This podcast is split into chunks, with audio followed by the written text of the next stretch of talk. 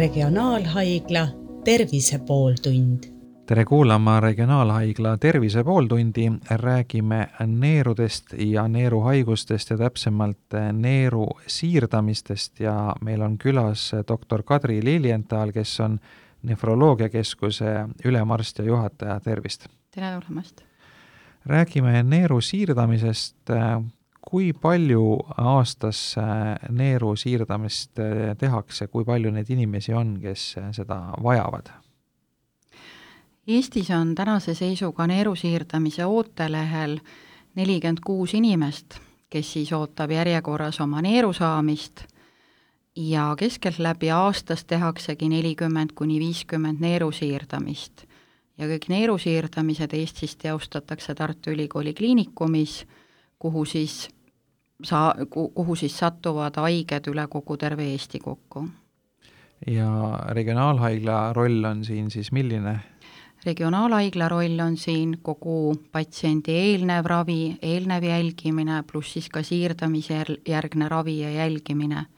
et patsient on Tartus operatsioonil ja operatsioonijärgselt keskeltläbi kaks kuni neli nädalat ja peale seda satub ta meie neeruarstide jälgimise alla uuesti tagasi. rääkige natuke, kuidas see protsess käib, et, et mis hetkel saab selgeks see, et inimene ikkagi vajab seda uut neeru, et ilma enam ei saa hakkama ja mis, mis siis pärast seda juhtuma hakkab, et palun kirjeldage natuke seda teekonda neeru siirdamine osutub vajalikuks siis, kui patsiendil on lõppstaadiumi krooniline neerupuudulikkus, see tähendab, et patsiendi oma neerud enam praktiliselt üldse ei tööta ja inimene vajab elus olemiseks pidevat dialüüsravi, see tähendab kas siis hemodialüüsi või peritonaaldialüüsi, hemodialüüs tähendab eh, protseduuril käimist kolm korda nädalas ja protseduur kestab neli tundi ja selle protseduuri jooksul siis organismist eemaldatakse liigne vedelik pluss siis ka jääkained. Ja, ja peritonaaldialüüsi puhul teeb patsient seda kodus ja siis on selleks filtriks inimese enda kõhukelme, mis siis toimib filtrina, kus siis samamoodi eemaldatakse liigne vedelik ja jääkained. kui inimene on terve, kui tal ei ole vastunäidustusi neeru siirdamiseks, siis neeru siirdamine tagab kahtlemata patsiendile kõige parema ja täisväärtuslikuma elu. See tähendab, et inimene peab küll elu lõpuni võtma ravimeid, kuid ta ei pea käima ja tegema mingisuguseid lisaprotseduure. ravimid on küll eluaegsed ja neid tuleb väga reeglipäraselt ja kindlatel kellaaegadel võtta, et ei tekiks äratõuget, et organism selle neeru omaks võtaks ja, ja keskeltläbi selle siirdatud neeruga saab patsient kümme kuni viisteist aastat hakkama, ilma et peaks käima mm, dialüüs, dialüüsiprotseduuridel. Need dialüüsiprotseduurid, mis siis tehakse enne siirdamist, et äh, kui pikka aega neid teha võib, et ma saan aru, et see ootejärjekord neerule võib olla üsna pikk, et kui, kui kaua inimene seda dialüüsi abil äh, siis edasi saab elada? See on väga erinev ja reeglina dialüüsravil mingisugust sellist ajalist piirangut ei olegi.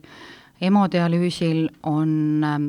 hemodialüüsi tegemise võimalikkus sõltub patsiendi veresoontest, sellepärast et äh, kogu puhastusprotseduur käib veresoonte kaudu, kas siis patsiendile on tehtud operatsioon, et on käele te-, teost-, tehtud operatiivselt arteriovenoosne fistel, mille kaudu siis seda iga kord kolm korda nädalas protseduuril punkteeritakse või on olemas siis sellised pikaajalised tsentraalveeni kateetrid, aga nagu kõik, mida korduvalt kasutatakse, siis see kõik võib kahjustuda, samamoodi võivad tekkida tromboosid, kateetrid umbuvad ja siis on vaja jälle korduvalt paigaldada, et ajalist piirangut on siin tõesti raske öelda, et patsiendid käivad meil dialüüsis viis, kümme aastat, et et see kõik oleneb, aga kui inimene, inimesel ei ole raskeid kaasuvaid haigusi ja ta on neeru siirdamise nagu sellise eelse konsiiliumi läbinud, tal on eelnevalt süda kontrollitud, kõik kasvajamarkerid on kontrollitud, magu on üle vaadatud, hambad peavad terved olema, et kui sealtpoolt mingit vastunäidustust ei ole ja kui inimene ei ole ka liiga vana, siis neeru siirdamiseks vastunäidustust ei ole ja patsient võetakse neeru siirdamise ootelehele. ja ooteaeg mm, nendel patsientidel, kes oma esimest neeru ootavad, on see tegelikult Eesti tingimustes üsna lühikene pool aastat kuni aasta võib see olla, aga hoopis teine lugu on nende patsientidega, kes ootavad oma teist ja kolmandat neeru, et siin võib see ooteaeg olla ka kuni kümme aastat. miks see siis nii palju pikem on? sellepärast, et inimesel tekivad neeru siirdamisega antikehad ja seda sobivat neeru on järjest raskem leida, sellepärast et tõuseb äratõukerisk ja, ja siirdamise eelselt vaadatakse inimese, et sobiks inimese veregrupp, et sobiks HLA, aga kui seal on juba eelnevalt, operatsiooni eelselt määratavad need antikehad, siis on seda õiget neeru väga raske leida. kas äh, siin on abiks ka näiteks äh, lähisugulased, et äh, et kas äh, pereliige, õde, vend, ema, isa, lapsed, äh, kas nende loovutatud neer sobib paremini sellele abivajajale kui, kui siis nii-öelda võõras neer? jah, reeglina lähisugulase neer sobib paremini, siin muidugi on vajalikud jälle kõik siirdamiseelsed uuringud, kuid sobivus on reeglina parem ja ka nende immuunosupressiivsete ravimite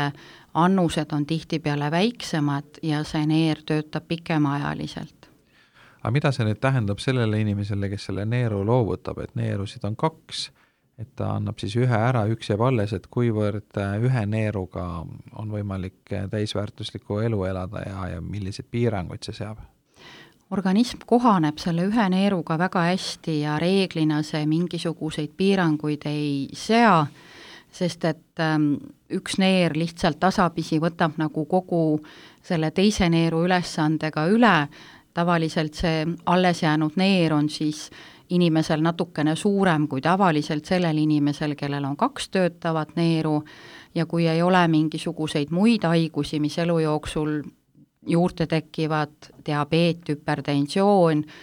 kui inimene oma kaalu väga kõvasti ei kogu, siis reeglina selle ühe neeruga elab väga ilusti ära, aga muidugi on oluline selle, neid neeruanalüüse selle loovutamise järgselt kindlasti kontrollida ja meie oma elusdoonoritel reeglipäraselt seda ka teeme, alguses natuke sagedamini, hiljem võib-olla ainult üks kord aastas, aga peale si-, neeru loovutamist, ütleme kolme ja kuue kuu möödudes peaks neid analüüse kontrollima aga kui suure osa sellised äh, juhtumid moodustavad üldse kõikidest siirdamistest, kus, äh, kus selle organi siis loovutab äh, lähisugulane? Elusdoonorilt siirdamisi on, ütleme, aasta jooksul no kolm kuni neli, et enamus on ikkagi kadaveersed neeru siirdamised, ehk siis ajusurmas inimeselt saadud neerud. aga, aga elusdoonoriluse järjest ka tõuseb ja tegelikult inimesed on valmis ka oma neeru oma lähisugulasele loovutama, kui kõik sobivad. milline see lähisuguluse ring täpsemalt on, et kui, kui kaugelt või lähedalt sugulane peaks olema, et sellest ka nagu, nagu rohkem abi oleks, kui, kui ütleme siis võõrast neerust? Ütleme, et ikkagi õed-vennad, emad-isad on need kõige lähemad sugulased, aga siin on just, et ega me ei saa alati ka öelda, et iga inimene on väga eriline indiviid ja siin on alati oluline nende eelanalüüside määramine, et et teinekord tegelikult võib kaugem sugulane paremini sobida. Te ütlesite, et ühe neeruga elab ähm, kenasti ära, et ähm, see on paarisorgan, et millegipärast neid ju nagu kaks on, et, et mis see põhiline risk on sellega siis ütleme, olukorras üks neer versus kaks neeru? Neerude puhul ongi, et, et tegelikult see üks neer teeb kogu selle töö ära, neid on mõeldud küll kaks neeru, et peavad nii nagu kopsudki olema paarisorganid, aga neer on väga kohanemisvõimeline ja kuna tegelikult kujuneb neeru puudulikkus, lõppstaadiumi neerupuudulikkus kujuneb välja siis, kui neerufunktsioonist ehk siis mõlema neerufunktsioonist on alles jäänud kokku alla kümne protsendi, et tegelikult kui see töö läheb ühele neerule, jah, meil on natuke kõrgem risk kõrge vererõhu tekkeks, aga, aga, aga sisuliselt ei muuda see nagu organismis midagi kas üldjuhul äh, tabavad neeruhaigused siis mõlemat neeru korraga, et, et üldjuhul nii ei ole, et, et ühes neerus on äh, haigus ja teine on terve, et kui juba, siis haigus tabab selline mõlemat? krooniline neeruhaigus tabab mõlemat neeru. ühes neerus võib olla, ütleme, et neeruvaagna põletik võib tabada ühte neeru, neerukivi võib olla ühes neerus, aga kui on diabeedi või hüpertensiooni foonil tekkinud see krooniline neerukahjustus, krooniline neerupuudulikkus, siis on ikkagi kahjustunud mõlemad neerud ja need neerupäsmakeste haigused, ehk siis need neeru parenhüümi enda haigused, need ka kahjustavad alati mõlemat neeru, et siin ei ole nii, et on üks neer haige ja teine on terve et üldistades võib öelda seda, et sellised kergemad haigused võivad tabada ühte neeru ja raskemad siis üldjuhul mõlemad korraga? jah, reeglina küll. nüüd, kui neeru siirdamistest veel rääkida, et siis ähm, Äh, kõigepealt tehakse dialüüsi, siis on see ooteaeg ja, ja siis, kui jõuab kätte see, see neeru siirdamine, siis teie valmistate patsiendi ette ja, ja, ja see operatsioon või protseduur toimub siis Tartu Ülikooli Kliinikumis. Milline selle edukuse määr on, et äh, kindlasti seda kardetakse, see on raske operatsioon, kui, kui suur see edukuse määr on? Nii nagu iga operatsioon on suure riskiga, nii on ka neeru siirdamine riskiga operatsioon. Ja pluss siis siin on veel väga suure riski moodustab see, et inimene peab eluaegselt võtma immuunsust langetavaid ravimeid, mis omakorda jälle organismi teistele organitele ja organismile võivad igasuguseid muid tüsistusi esile kutsuda. ja selleks, et see neeru siirdamine õnnestuks, siis selleks ongi iga kuu esimesel teisipäeval on Põhja-Eesti Regionaalhaigla nefroloogid, Lääne-Tallinna Haigla nefroloogid ja Tartu Ülikooli Kliinikumi nefroloogid ja neerusiirdajad siis ühiselt eh, konsiiliumis, kus siis arutatakse kõik eh, neerusiirdamist eh, vajavad patsiendid läbi, kes siis lähevad ootelehele, et kas on mingisuguseid vastunäidustusi,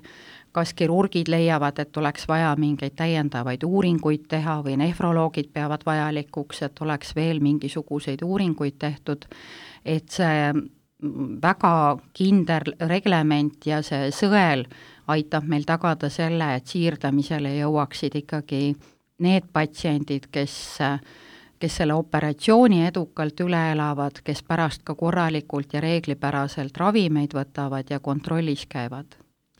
kas see, et see patsient, kellele neeru siirdatakse, peab olema suhteliselt terve, siis välja arvatud see tema neeruhaigus, tähendab seda, et seda ka tehakse pigem noorematele inimestele, mitte siis äh, vanadele inimestele?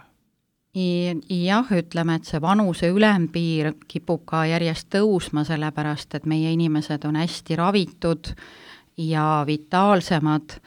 aga, aga noorematel on kahtlemata üldine tervislik seisund parem ja siin ongi just oluline, et kardiaalne seisund oleks kontrollitud, et ei oleks ühtegi kasvajalist alget, et ei oleks kroonilisi infektsioone, et sa, et hambad oleksid korras,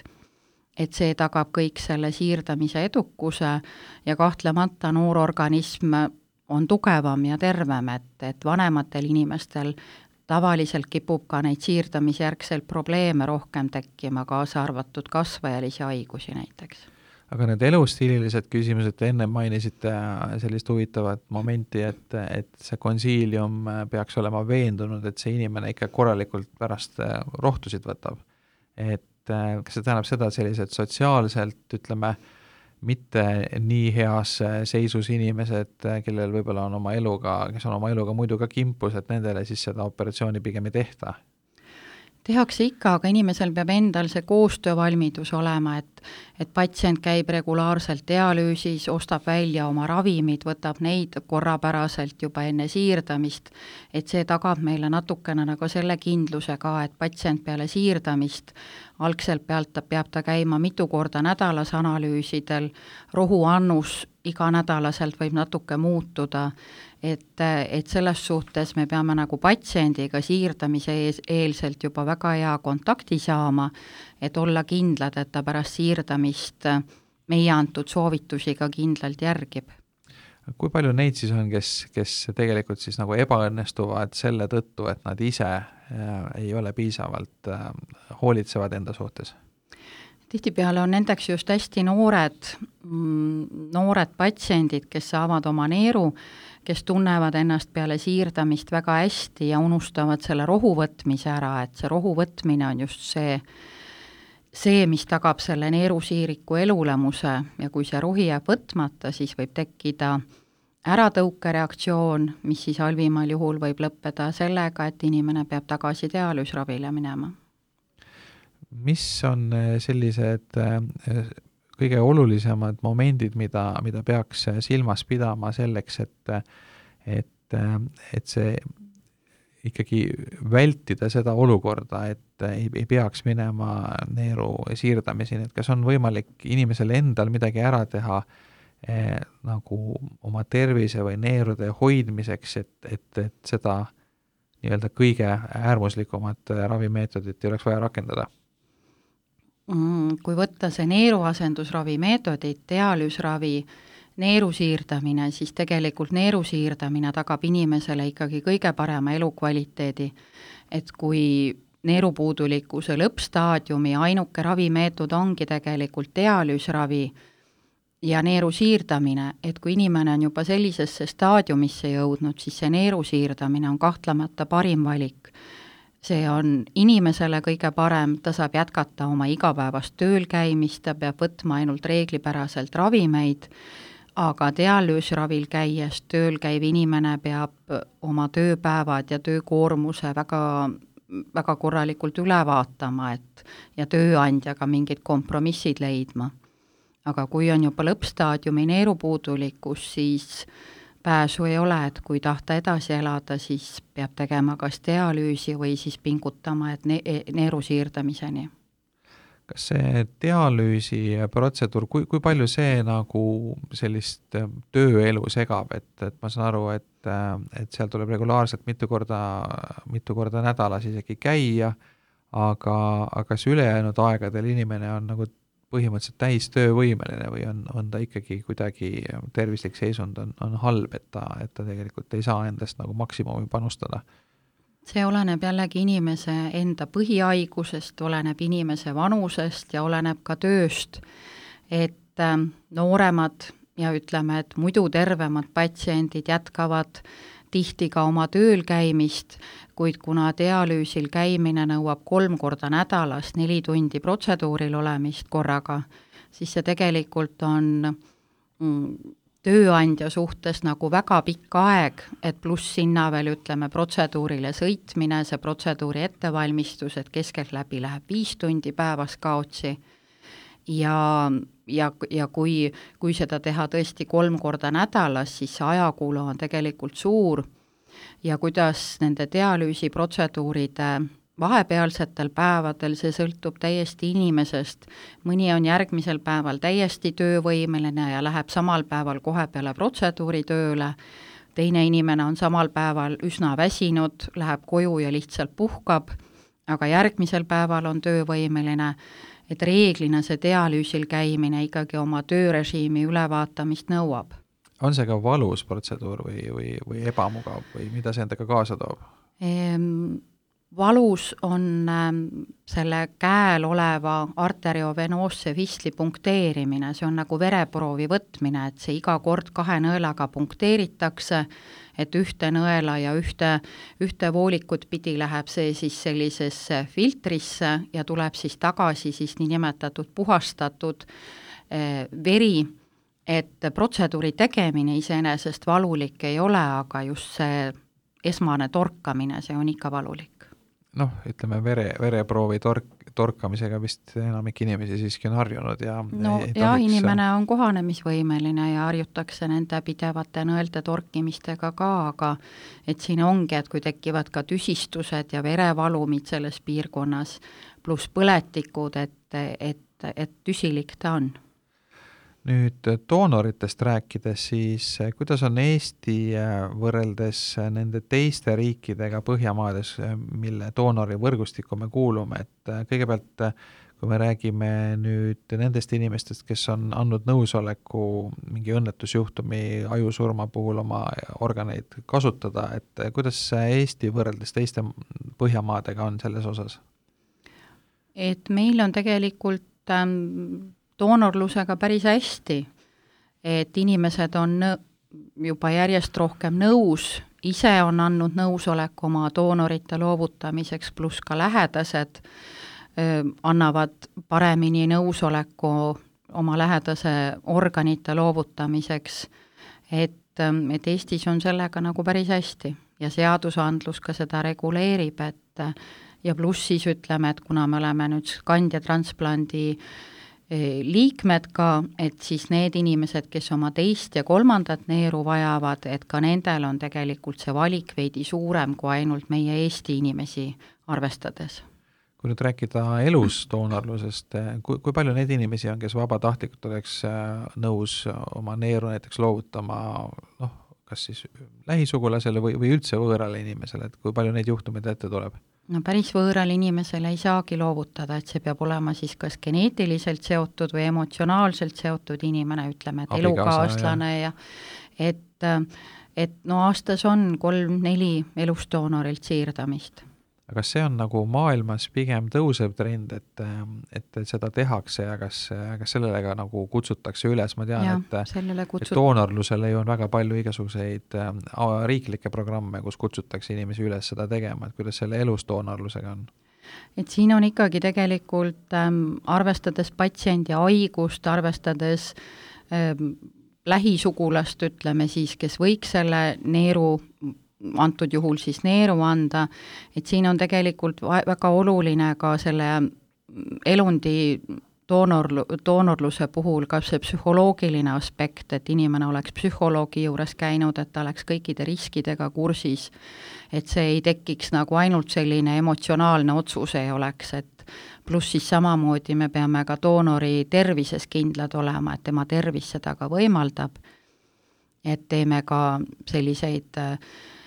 instrumentaalseid uuringuid, et neeru, neeruveresoontega on kõik korras, et neerufunktsioon on korras, et kõik see käib sinna kaasa. kas neeru siirdamises on ka selliseid viimasel ajal suuremaid läbimurdeid, et seda, seda operatsiooni on juba, juba päris pikalt tehtud Eh, kas siin on viimasel ajal ka nüüd midagi sellist, eh, ma ei tea, teaduse või meditsiini arengus toimunud, mis on, mis on mingisuguseid suuremaid muudatusi ja arenguhüppeid eh, kutsunud esile? ütleme, et viimaste aastate jooksul on tehtud ka pankrease ja neeru siirdamist koos, see tähendab, et just diabeedihaiged on sellest abi saanud, esimese tüübi diabeedihaiged, et see jälle noorematele inimestele tagab kõige parema elukvaliteedi, et nad ei pea enam insuliini süstima, nad ei pea dialüüsis käima, nad peavad ainult regulaarselt ravimeid võtma. kas see tähendab seda, et nii pankreas kui neer võetakse samalt doonorilt, et see, see peab olema siis ük, üks ja sama doonor, kes loovutab need? jah, Eestis on, ütleme, et jah, ainult siis kadaveersetelt doonoritelt see võimalik ja on võimalik ka nii teha see, et enne siirdatakse neer ja siis pankreas, kuid Eestis on praegu tehtud ainult siis pankrease ja neeru siirdamist koos. aga nüüd äh, elukvaliteedi mõttes ja selle nii-öelda siirdatud neeru äh, kestvuse või eluea mõttes, kas seal on ka mingisuguseid arenguid, et, et näiteks nüüd siis äh, see siirdatud neer kestab kauem aastaid ja patsiendi ravimid on järjest paremaks muutunud, ravimite annused on väiksemad, kõrvaltoimeid on vähem ja, ja, ja see siirdatud neer tõesti, ütleme, et äh, kestab kauem.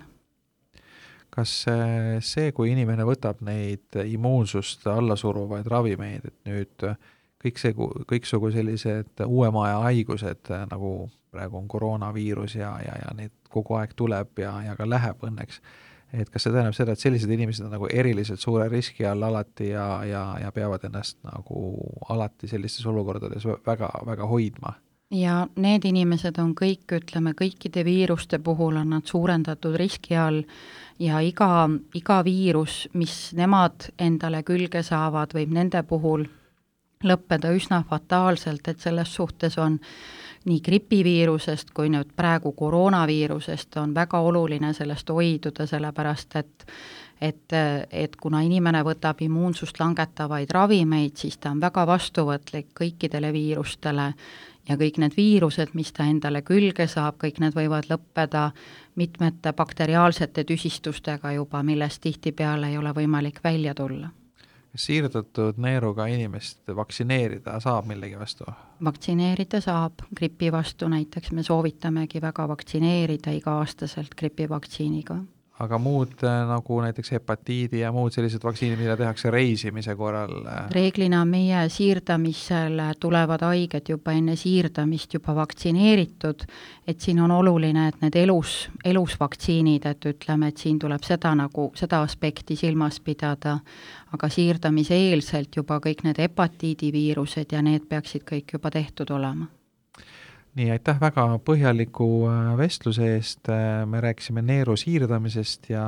külas oli doktor Kadri Liljenthal, kes on regionaalhaigla nefroloogia, nefroloogiakeskuse juhataja. tervise pooltunnis vestles temaga Hando Sinisalu ja aitäh teile kõigile kuulamast!